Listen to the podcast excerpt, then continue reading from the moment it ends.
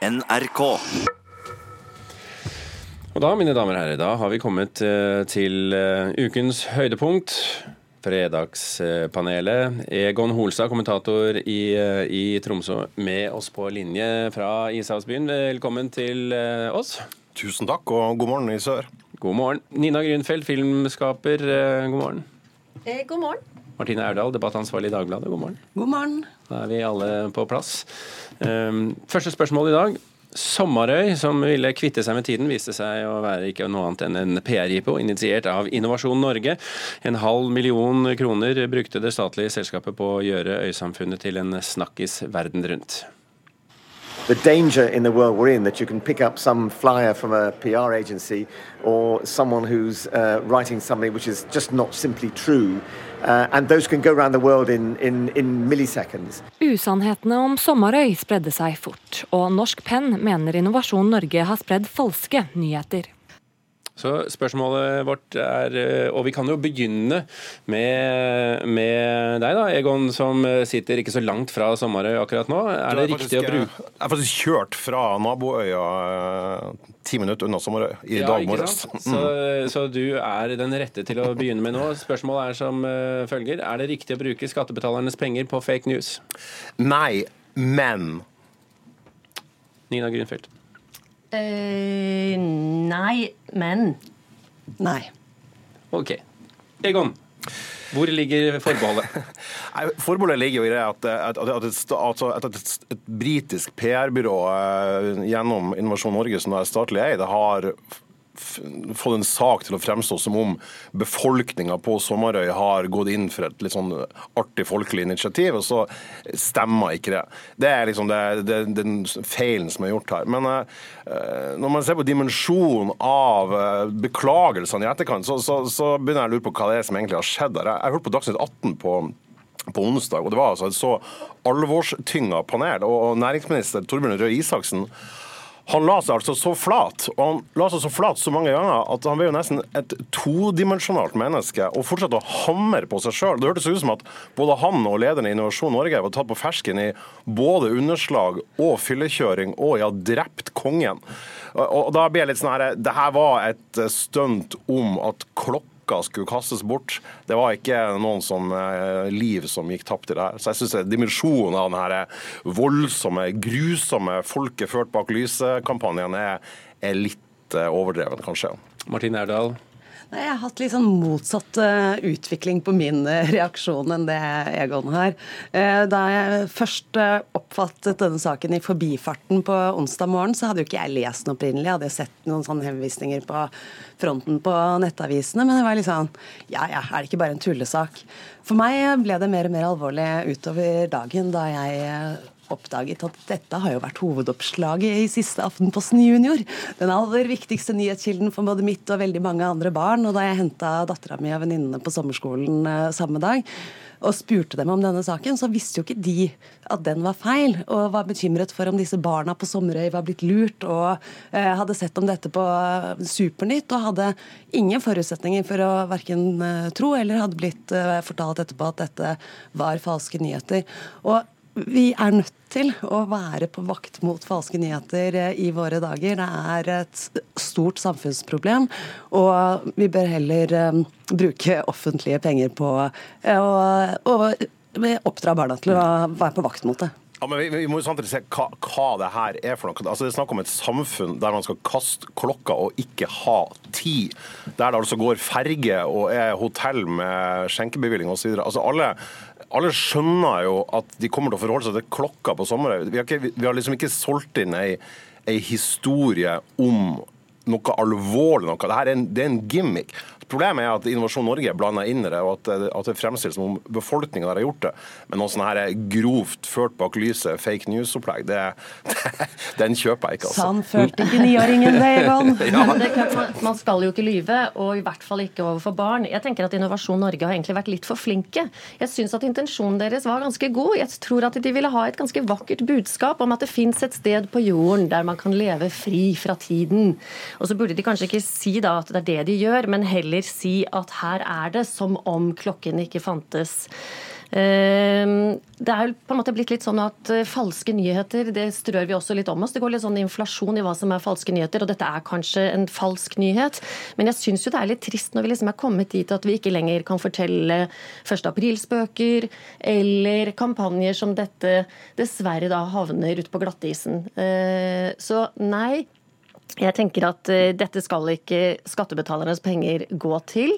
Men det fins et stort men her, som handler om at uh, det, var en, en, det var en ganske vakker intensjon, og så skled det feil ut.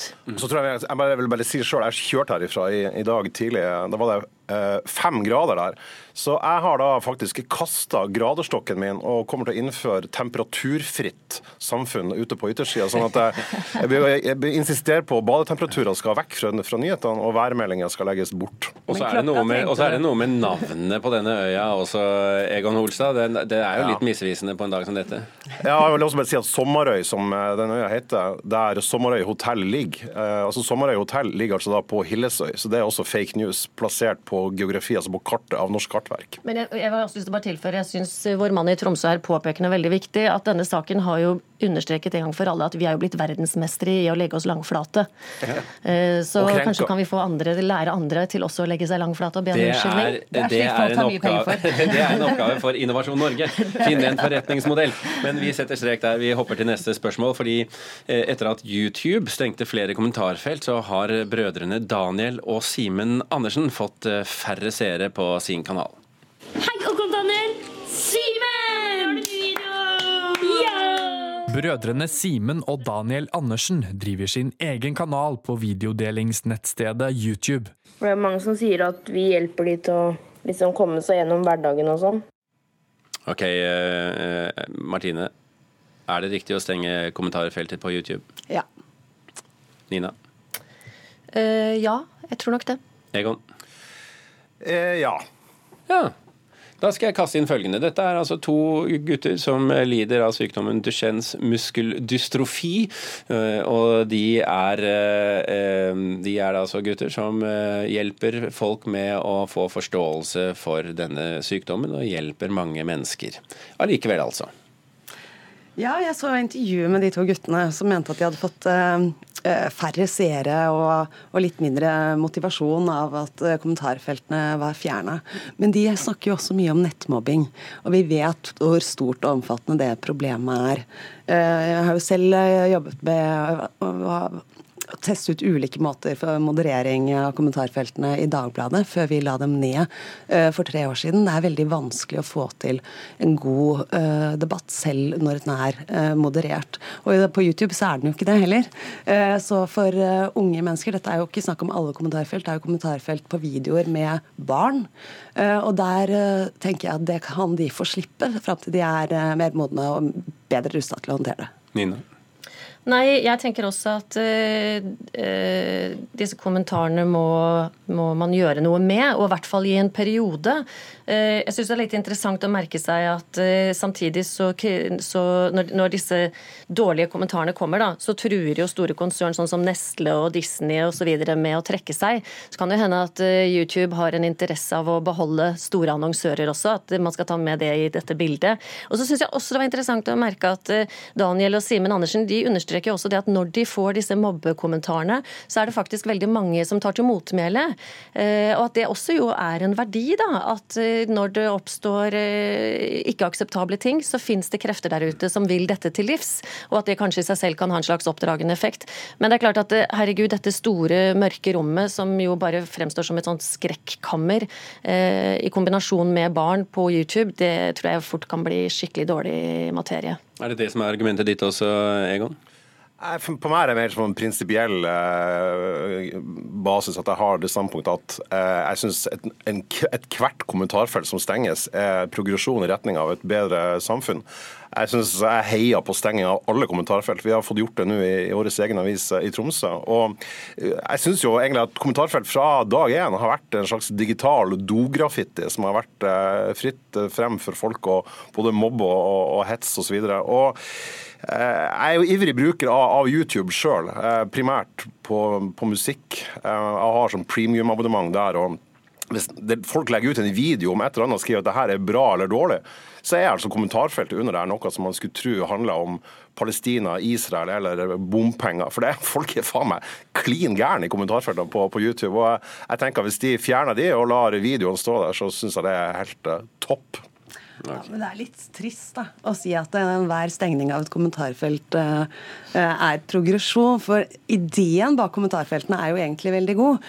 Uh, og dersom man hadde hatt gode og konstruktive kommentarer, så ville det vært et uh, bidrag til demokratiet. Men dessverre så ser vi jo ja, at det skjer, svært sjelden er det. Vi kunne ansatt 5000 mennesker til å moderere kommentarfelt i avisa, men det er så mye ja. penger får vi ikke fra staten. Vi er, vi er, nødt til å sette strek der også, for jeg har et, jeg har et spørsmål spørsmål som jeg eh, selvfølgelig er litt glad for at vi har Egon Holstad her eh, i dag.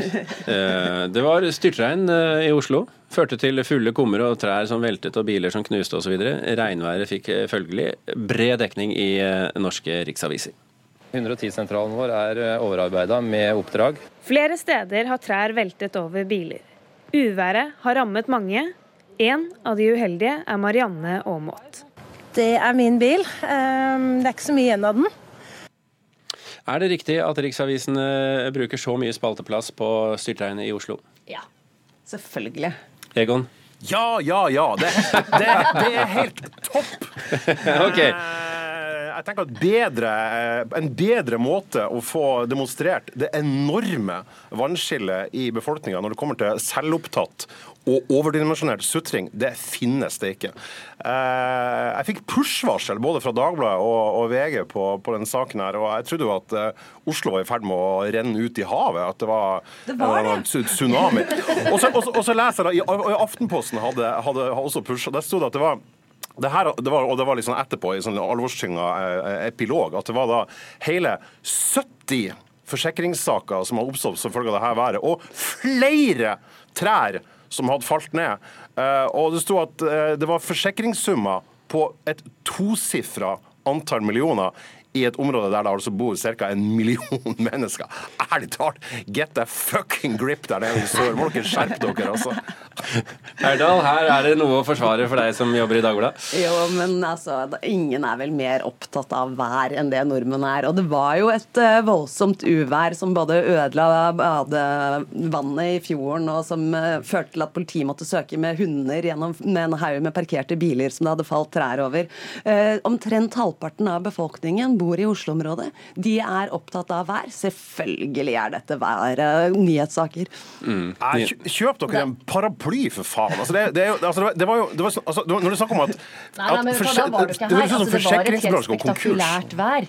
Var, og, og nå, tenker... nå, skal vi få den kjølige Nå skal vi få den kjølige kommentaren fra kunstneren Nina Grünfeldt. Det varte ikke lenge, men det var helt makaløst så lenge det varte. Og jeg tenker at vi dekker jo enorme steinras og store værutfordringer i hele landet. Når det da endelig skjer noe så spektakulært som dette i Oslo, så må det jo dekkes. Men det er klart at det, ja, altså personlig, jeg er ikke så innmari glad i sånne nyheter av typen eh, nordmann skulle vært på fly som nesten styrtet. Og dette var jo litt grann i den løypa. Altså dame satt nesten i bil som ble da overfalt av et tre.